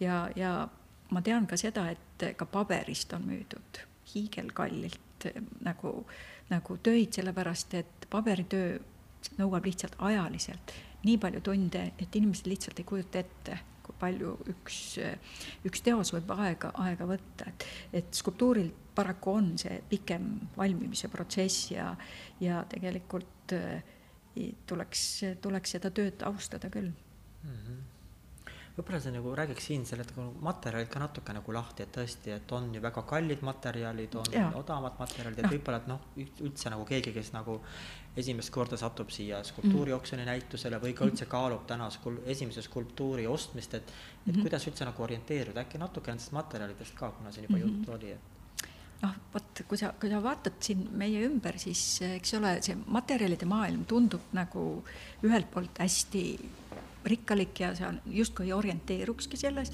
aga teiselt poolt, kui sa vaatad, missugustest materjalidest, mida me kasutame, eh, siis peaaegu võiks need ühel käel nagu algmaterjalid üle, üles lugeda. et ühed on need materjalid, mida, mida me saame otse võtta, maa annab meile nii-ütelda, eks ole. et meil on need põhimaterjalid, puit ja kivi ja, ja siit tulevad ka klaas ja, ja keraamika ja, ja, ja sellised, sellised metall, eks ole, et, et need on need metall kui maak, eks ole, et nad on siin olemas. ja siis on meil teised materjalid, mis on inimtekkelised materjalid, noh, kui nagu hästi suurelt jagad ja, ja, ja noh tänasel päeval on need inimtekkelised või inimeste loodud materjalid eh, on, on nagu hästi käibele ja, ja tege-, tege-, noh, plastmassid alates seal viiekümnendatest, seitsmekümnendatest, see on nagu väga-väga suur materjalide valdkond jälle. ja siis on komposiitmaterjalid, kus materjalid on, on jaga-, jaga-, noh, ütleme kihiti, nii et, et see on ühe materjali omadusi ja teise ja aga need põhimaterjalid tegelikult Eh, eh, noh, need on ju jäävad materjalid, kui, kui me nagu vaatame ringi, eks ole, et seesama, et, et mis meil siin on, eh, näiteks see Jüri Ojaveri töö on seal, kas see oli paekivi, eks ole, ja, ja siis oli seal metall oli, mis ta oli, malm oli äkki jah, ja et, et noh, need on materjalid, mis, mis kestavad. Ja, ja noh skulptor näiteks omal ajal, skulptor õppis ka, kui, kui mina õppisin, siis skulptor õppis kuus aastat noh, ma olen kuus aastat õppinud selleks, et aimu saada sellest, mis selles maailmas nagu, nagu toimub. et, et see materjalide tunnetus ja, ja see, et läbi materjali midagi ütelda, see on nagu noh, hästi-hästi oluline ja, ja nagu kui, kui vaadata, et millised tööd siin müügil on, siis siin noh, ongi, sa võid leida sealt metalli, võib leida keraamika, võib leida, mis puitu. oli, mis seal veel olid, et Lahasi. ja ja klaasi. Ja, ja siis huvitaval kombel, eks ole, et esimest korda ma näen ka, et, et siin on nagu 3D prinditud, mis tähendab, et meil on tegemist plastiga. ja, ja nüüd, kui inimene mõtleb selle peale, et oi, aga et, et kas see, et kui kestev see materjal siis materjalina on, noh, tegelikult on, on see materjalina eh, ta, ta oleneb täpselt, ma ei oska öelda, millise plastiga seal on tegemist, on see, see on ta ka kestev, aga huvitav on see, mitte muidugi sellisel kujul nagu pronks ja, ja teised metallid ja nii edasi, aga huvitav on see, et et selle 3D objektidega on, on tänasel päeval nii, et ma olen mitmel pool näinud, kus inimene, kes ostab selle objekti, ta saab kaasa ka faili, mille järgi sul on võimalik see taastada ja uuesti printida. ja, ja see on nagu hoopis teistmoodi nagu lähenemine nendele uutele materjalidele, mis samamoodi praegu näiteks skulptuurimaailma objektikunsti poole pealt sisse nagu sõidavad. et, et jah, et need materjalide rikkus on, on üks midagi, mis, mis tegelikult ka meie, meie kodust ruumi saab ju, saab ju muuta ja, ja noh luua, luua teiseks, tuua midagi, mis kas on raske või on ta kerge või et, et see, see materjali sidu, side sellesama looduse endaga ja ühesõnaga see, mida materjal toob meie ellu lihtsalt, lihtsalt materjalina, sellel on ka üks tasand ja ta, ta toimib meie eludes isegi siis, kui me nagu ei, ei mõtle sellele, et noh, see on, see on nagu niisugune, see, see materjalide maailm on nagu täiesti huvi, huvitav teema ja sellest, sellest nagu, kuidas materjalid meid mõjutavad, mida, mida me tunneme ühe või teise materjali puhul ja kuidas puit on, tõmbab ligi ja tahaks talle pai teha ja ta on soe, eks ole, ja, ja kui sa võtad siis pronksi, mis, mis noh, et kui sa mõtled, mis tundeid ta sul tekitab, eks ole, et võib-olla on ta päikese käes väga soe, võib-olla on päikese käes väga kuum ja siis, kui on kui ta, ta sooja ei saa, et, et mismoodi sa siis teda tunnetad, et noh, ja juba siit hakkad nagu mõtlema, et kui ma võtan seal, ma lähen praegu näiteks ühe objekti juurde, võtan ja kui ma olen, kui ta on minu juures kodus, noh, siis, siis mida ta minu ruumi toob materjalide näol samamoodi, et see, see on hästi-hästi põnev maailm. Nii, võtame järgmise müüdi, mis on ka nagu kliendi seisukohast pigem, et no et suurt maali ma enam kodus seinale ei paiguta, mul on kõik seinad täis, võib-olla mingi väikse maali veel nagu paigutan, aga no skulptuur mul kindlasti ära ei mahu, see võtab ju nii palju ruumi mm. -hmm. on see müüt või, või saame selle ümber lükata? mina arvan, et isegi väike skulptuur mahub. ja, ja see ongi see, et väikes, väikesel skulptuuril ruumis on suurem mõju kui väikesel maalil et see igal juhul on nii. noh, kindlasti on see seotud selle tähendusega, mida see skulptuur sinna, sinna ruumi toob, eks ole, ja, ja, ja kui palju ma tahan talle ruumi anda mm. -hmm. ja siis äh, minult viimane müüt, mida me oleme põgusalt juba siin ka äh, juba arutanud on see, et ähm, avalikku ruumi paigaldatavate skulptuuridega on alati mingi jama. püüaks siis pigem mitte keskenduda selle jama poole peale, vaid äkki otsime kõik need positiivsed näited, kas on avalikku ruumi paigaldatavate skulptuuridega midagi väga positiivset juhtunud? mingeid häid positiivseid näiteid otsime, et millega ei ole jama olnud. millega ei ole jama ja. olnud. me saame aru, et kui tegelikult see on arusaadav, see ei tähenda ju, et see peab olema skulptuur, üldse avalik ruum, see tekitab alati diskussiooni, see mm -hmm. ei olegi tegelikult jama, see on tegelikult ju mm -hmm. positiivne, inimesed tahavad arutada, tahavad rääkida ja see, et üks kogukond äh, nii noh, võtab ühe oma kogukonda paigutatava teose puhul sõna, see on kõik tere, see ongi tervitatav mm, -hmm. kõik see on kõik arusaadav. aga noh, püüaks nagu leida äkki mingisugused nagu positiivsed näited, kus on nagu ühe, ühe teose avalikku ruumi toomisega, selle loomisega, selle protsessiga olnud pigem nagu hästi nagu noh, tore ja nagu ma ei tea, muhepilli suil jälgimine või kuidagi selline, et mis on nagu tekitanud hea tunde, et et kas me leiame mingi sellise näite? Või ka näiteid? no minu jaoks see suudlevad tudengid ikkagi on, ma ei mäleta, et seal oleks olnud äh, mingit dis-, diskussiooni, aga see oli ka juba päris ammu et tol ajal ka vähem vaieldi üldse ka just, nagu. et kui ma võtan nüüd neid vi- viimaseid aastaid, siis mul ei tule väga meelde. Võib-olla tõesti demokraatia on suuremaks läinud, inimesed on võib-olla kui, arvamusi. midagi on väga nagu sellist noh, nagu sobivat, siis see ei tekitagi nagu ka kohe mm nagu arvamust, et see kõik nagu lepivadki, et see kõik on väga tore ja hea. ja hea asja puhul me reeglina pigem nagu noh, võtamegi seda enesestmõistetavalt ja nagu jah, liigume edasi. ja kui midagi nagu kuskil nagu päris nagu häirima hakkab, siis võtame nagu sõna või aga noh, millised sellest. on näiteks Tartu linnas, millised objektid või, või mis on avatud viimasel ajal, mis teil meelde tuleb? Äh, skulptuurid jah, mm. -hmm. no hea küsimus seegi, hakkame siis siit pihta nüüd. et, et alustame sellest, äkki üldse on, kas, kas üldse on Äh, midagi? see keksiv Koidula nii, ja minu arust sellega on olnud nagu pigem selline üldine foon positiivne, kuigi ma olen äh, no, ka nagu sellist negatiivset kommentaare kuskil näinud seal ja kas, see joa, Koidulat võib nii sellisel kujul nagu, nagu eksponeerida mm. -hmm. aga no minu arust on see skulptuur väga humoorikas, väga positiivne, pigem nagu kaldub sinna ikkagi positiivsete näidete valda. see kindlasti jah mm, Mhm. -hmm. mis veel? kas veel on midagi avatud, noh, viimastel aastatel?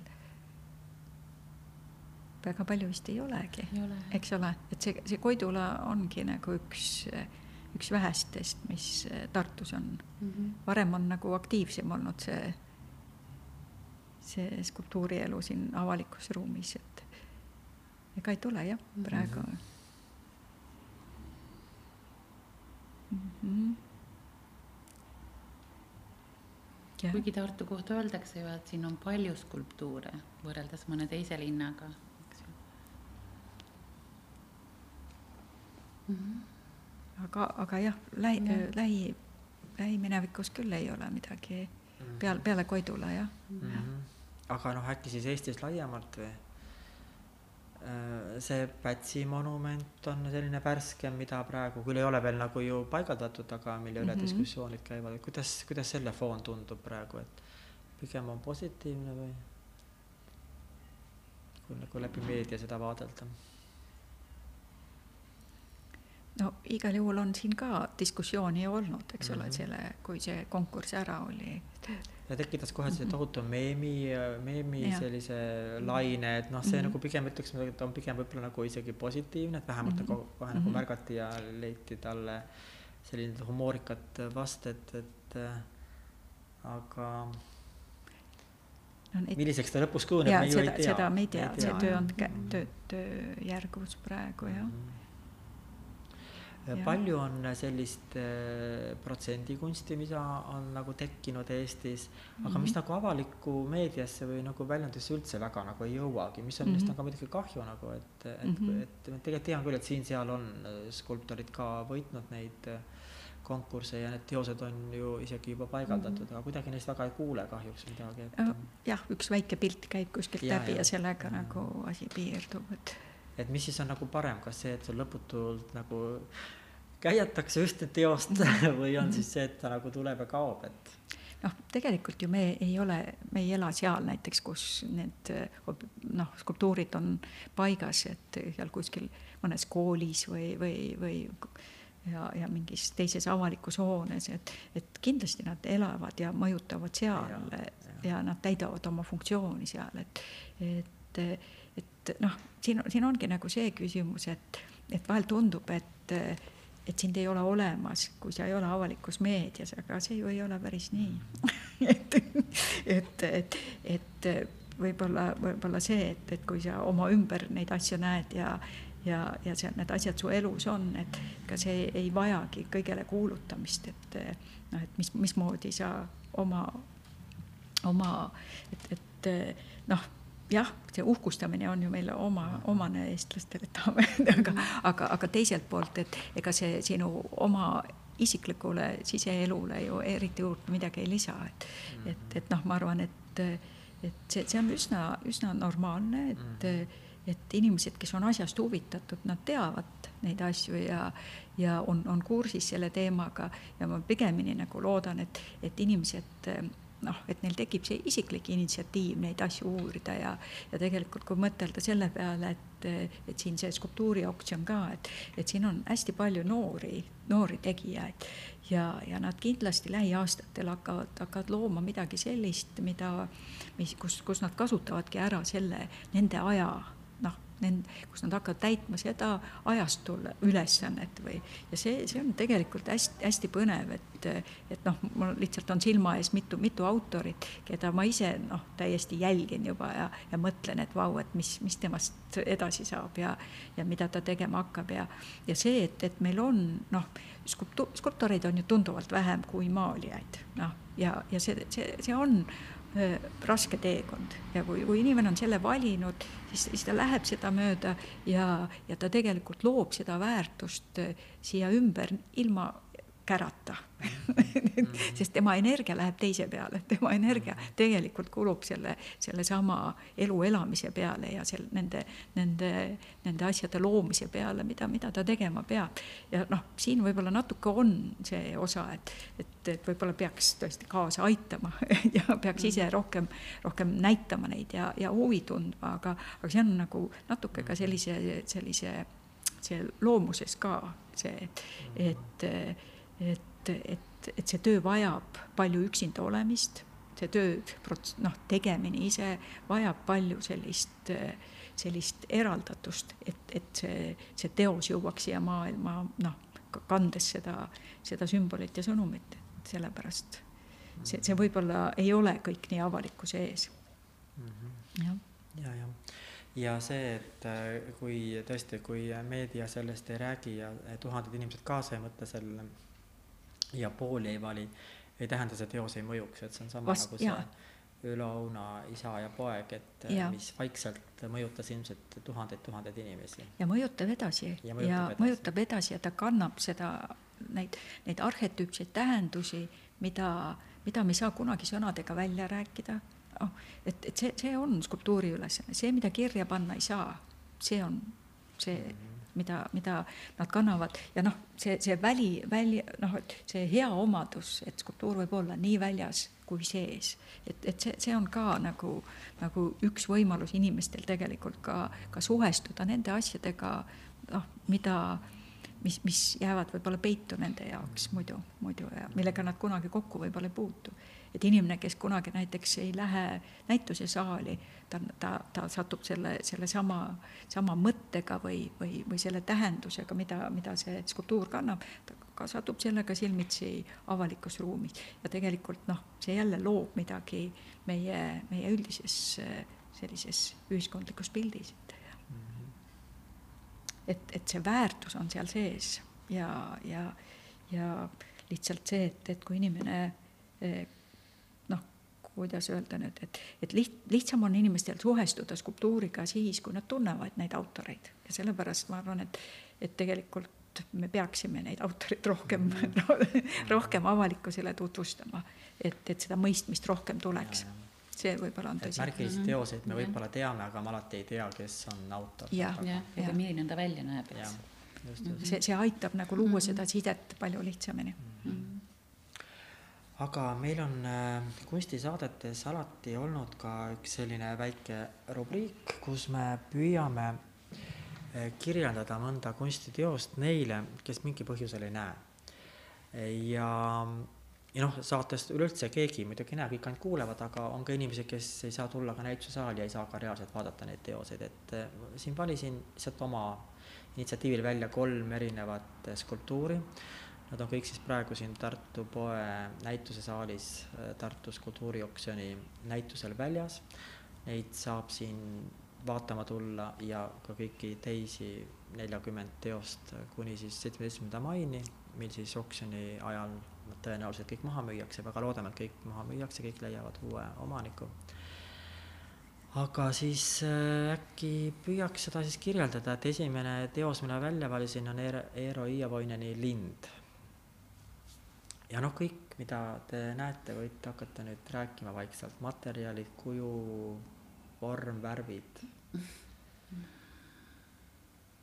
no kui seda vaadata kohe niimoodi esimesel pilgul, siis ei ole võimalik sada protsenti kindlaks teha, et mis linnuga on tegemist. et ta on, igal juhul tundub, et ta on selline pigem lõunamaine lind kollased, oranžid, sinised, valged. Et võib-olla natuke midagi tuukanlikku on siin, on ju ja kes ei tea, kuidas Eero Iiovainen töötab, siis see on natuke niisugune rohmakas, kasutatud materjalid, puit, on ju. ta on üpris suur siin meie näitusesaalis. ja, ja on selline tore tuukan oranži keha, sinise pea ja punase nokaga pilk kadus ära Anne võib täiendada, mis, mida sina näed Eh, on sul hästi näha? ja nüüd ke- natuke veel jagu. nii. ja minu ees on üks eh, puidust objekt, mis, eh, millel on kaks jalga. tema jalad on suured ja puidust ja rohmakad.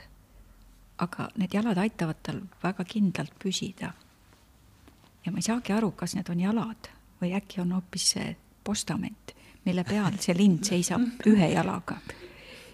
siis äh, ma näen sealt edasi sellist toredat kaart, mis äh, annab sellise liikumise edasi ja, ja seda liikumist rõhutavad äh, äh, tagant äh, tundub, et need on naelad, kui ma siit kaugelt vaatan sabasuled. sabasuled, naelad, mis on sabasulgedeks ja, ja see objekt koosnebki siis kolmest puidu eh, taotud tükist ja, ja leitobjektide mulje on nendel, see värv, mis nendel peal on, on nagu kulunud, see, see lind on ilmselt eh, pikka aega kuskil käinud, temas on tarkust kogunud, tema tema seljal ja tema, tema nokal on, on näha kulumise jälgi, aga see sügav tarkus, mis temast äh, õhkub, see on nagu väga kindlalt olemas. Ja see pigem on selline abstraktsem mm. -hmm. teos, eks, et võime äkki seda nõnda nimetada mm. -hmm. ja kui ma praegu veel nagu lähemalt vaatan, siis see, see, see kaarjas osa sealt tegelikult on natuke nagu isegi põhiobjektist pisut nagu eemal, et võib-olla sealt lendab kohe minema, võib-olla on siin kaks Mhm. lindu üldse või? jah. Aga võtame siis järgmise ja see on Heiki Leisi pildimasin.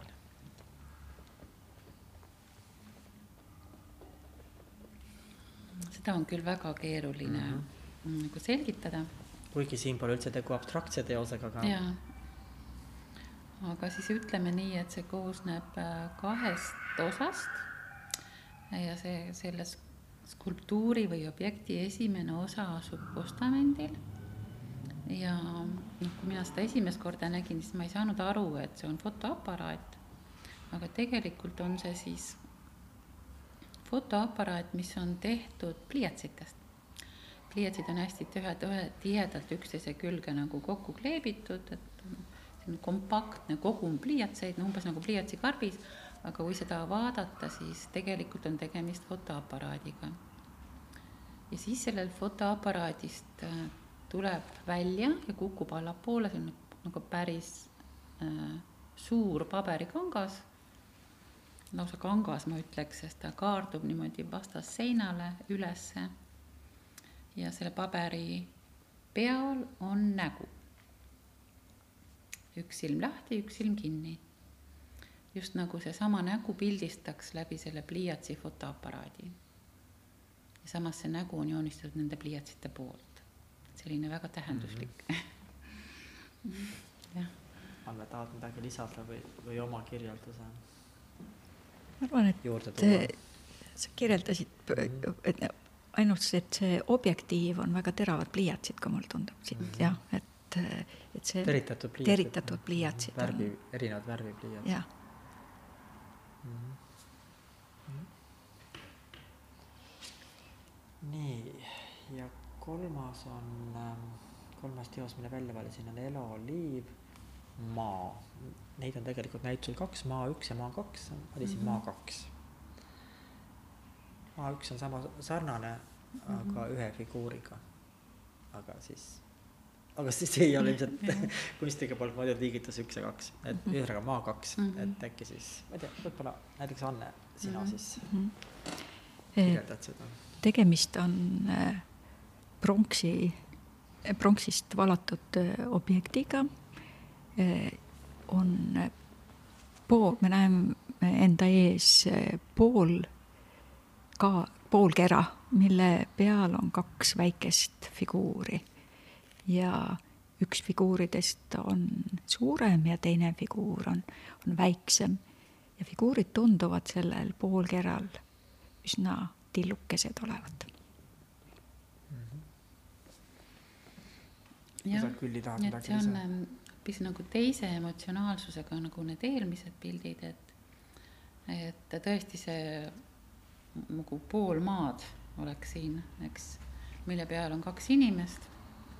Hästi,, hästi-hästi minimalistlik, kuidagi see pronksi tunnetus ähm, jätab natuke sellise mulje, nagu see maakera olekski mingi taevakeha, kes hõljub taeva peal või üks selline väikse printsi planeetidest ja need inimesed, üks on seal natuke nagu üksikud ja samas nad on kahekesi. et tekitab küll vastakaid tundeid, et mis siin tegelikult toimub mm. -hmm.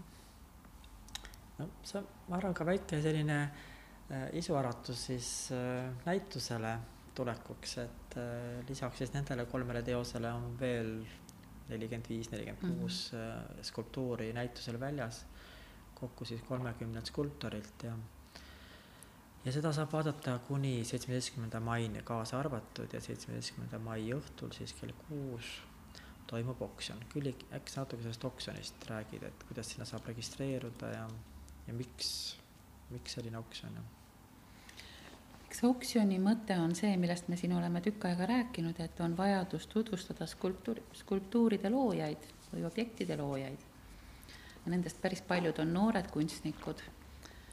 ja et ühelt poolt me tahame anda nendele noortele kunstnikele võimaluse ennast tutvustada, astuda dialoogi selle ostjaga.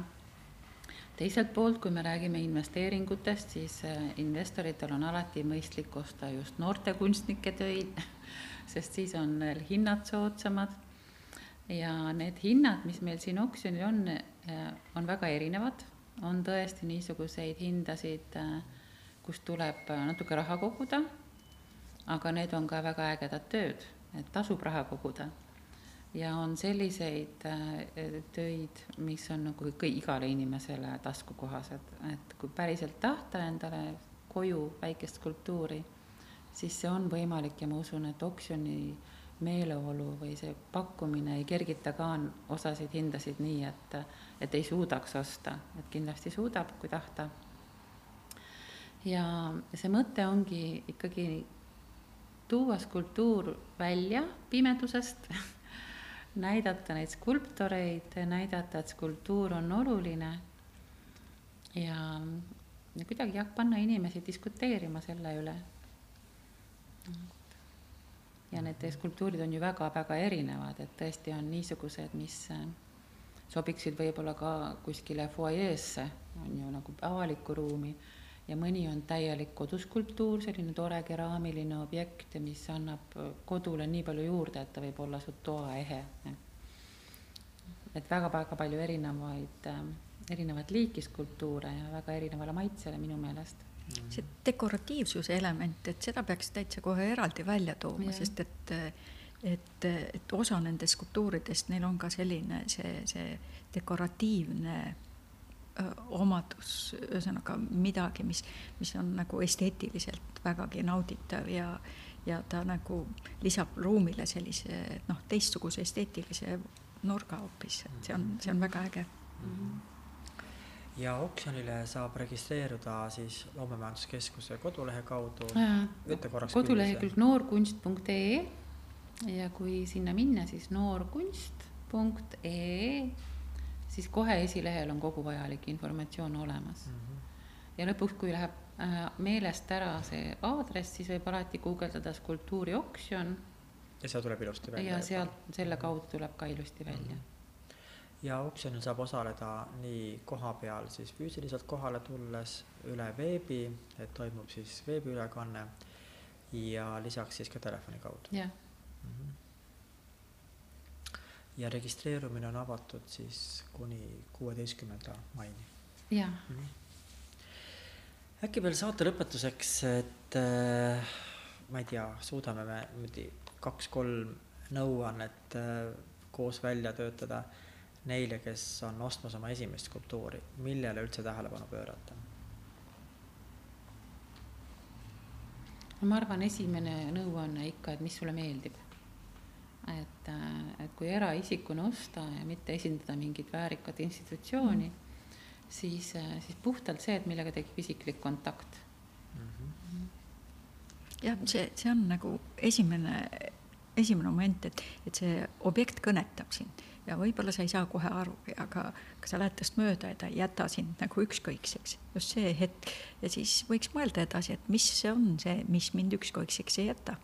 Ja, ja siis tulla tagasi selle juurde ja natuke mõtiskleda, et, et eh, tuleb võtta aega tegelikult, et, et kunstiteos ei avane nagu ühe noh, sõrmenipsuga, et, et natukene võtta aega, kui, kui see väike märguanne sisemine oli, et oot-oot-oot, et siin nagu midagi on, siis tulla selle, selle töö juurde tagasi ja natukene lihtsalt lasta Eh, sellel tööl kõneleda ja, ja jälgida, mis, mis sinus endas tegelikult toimub, et mis keeli ta puudutas siis. ja see on nagu, nagu esimene, esimene samm, et -hmm. lihtsalt võtta aega ka siis selle -hmm. asja, asja vaatlemiseks mm. -hmm. Ja kui noh, selline emotsionaalne side on nagu tekkinud mõne teosega, mida veel peaks nagu tähele panema? Siis kindlasti seda võiks mõelda, kuhu ta kuhu ta ikkagi paigutub kodus, et, et pärast ei oleks selli-, sellist et ei mahu uksest sisse. et, et jah, just, just nimelt, et, et skulptuuriga on alati see, see küsimus ka, et väga paljud teevad ja mõõdavad ennem oma kodu, koduuksed ära, et, et on mõistlik ja, ja, ja kindlasti võiks ta leida sellise väärika koha kodus, sest et et kui, kui me suudame ise nende asjadele seda, seda noh, kui see emotsionaalne side on olnud, siis, siis ta tähistab midagi ja, ja las ta siis, kui ta saab selle väärika koha kodus, siis seesama asi saab kasvada. see, see tunnetuslik side, võib-olla ta avab mingisuguseid uusi, uusi maailma teile endale, võib-olla mõne külje teis endis, mida, mida te varem ei ole isegi märganud.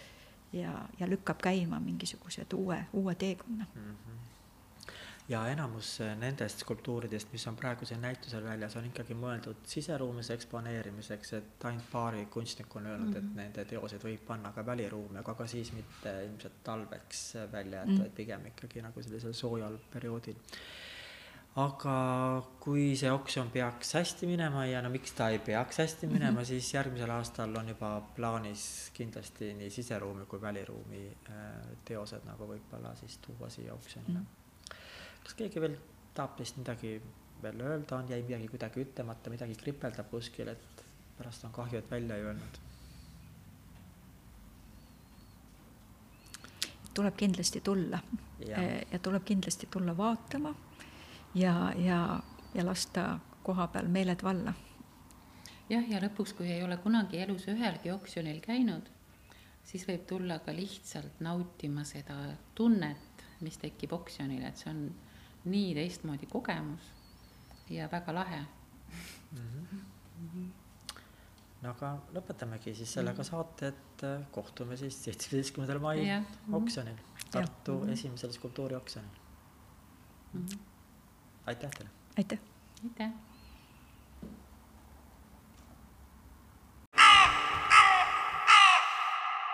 Tartu Hääl